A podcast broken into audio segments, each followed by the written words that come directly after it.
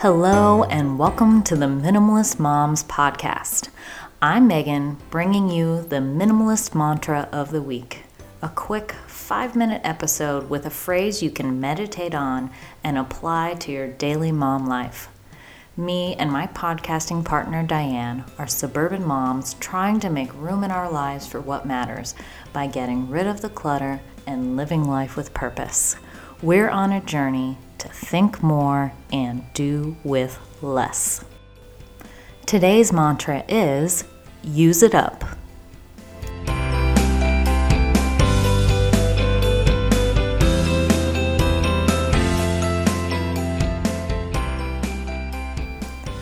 I do it all the time. I have a favorite. It could be a snack, a perfume, a notebook, or a candle. This favorite is a consumable item, but I don't want to consume it too fast because it's precious to me. I want to save it. What ends up happening? I don't use it. The ultimate example is the bath set.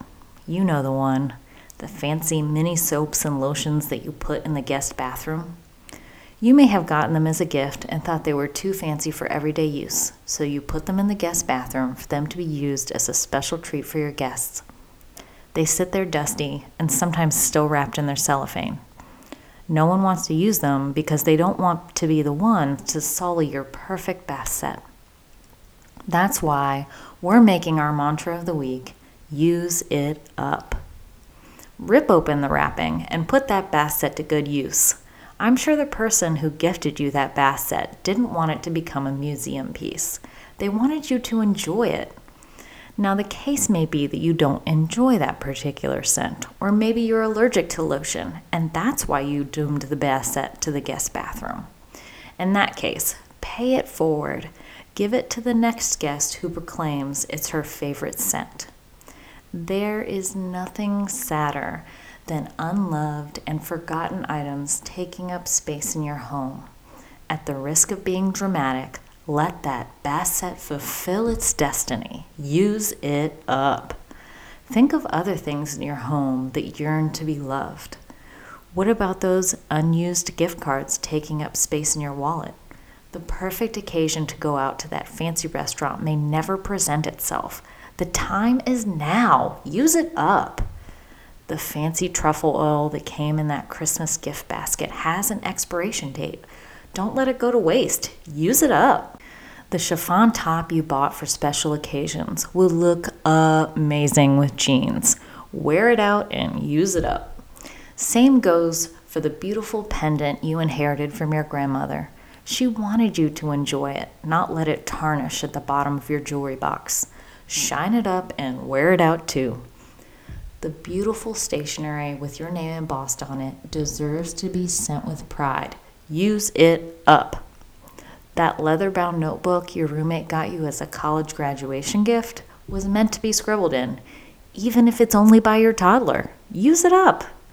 I could give a dozen more examples, but I hope you get the point. We can use these precious things or lose them. Either way, make a concerted effort to enjoy life's little pleasures and, say it with me now, use it up.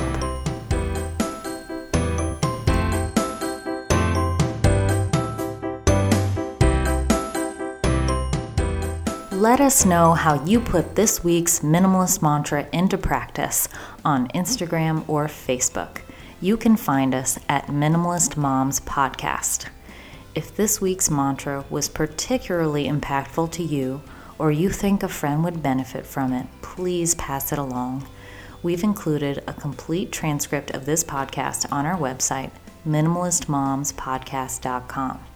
Or if you'd like to receive our show notes via email, text the word minimalist to 444 999 and you'll get an email whenever a new podcast is posted. Again, that's text the word minimalist to 444 999.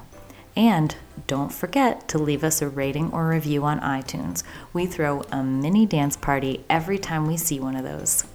We wish you a lovely week as you think more and do with less.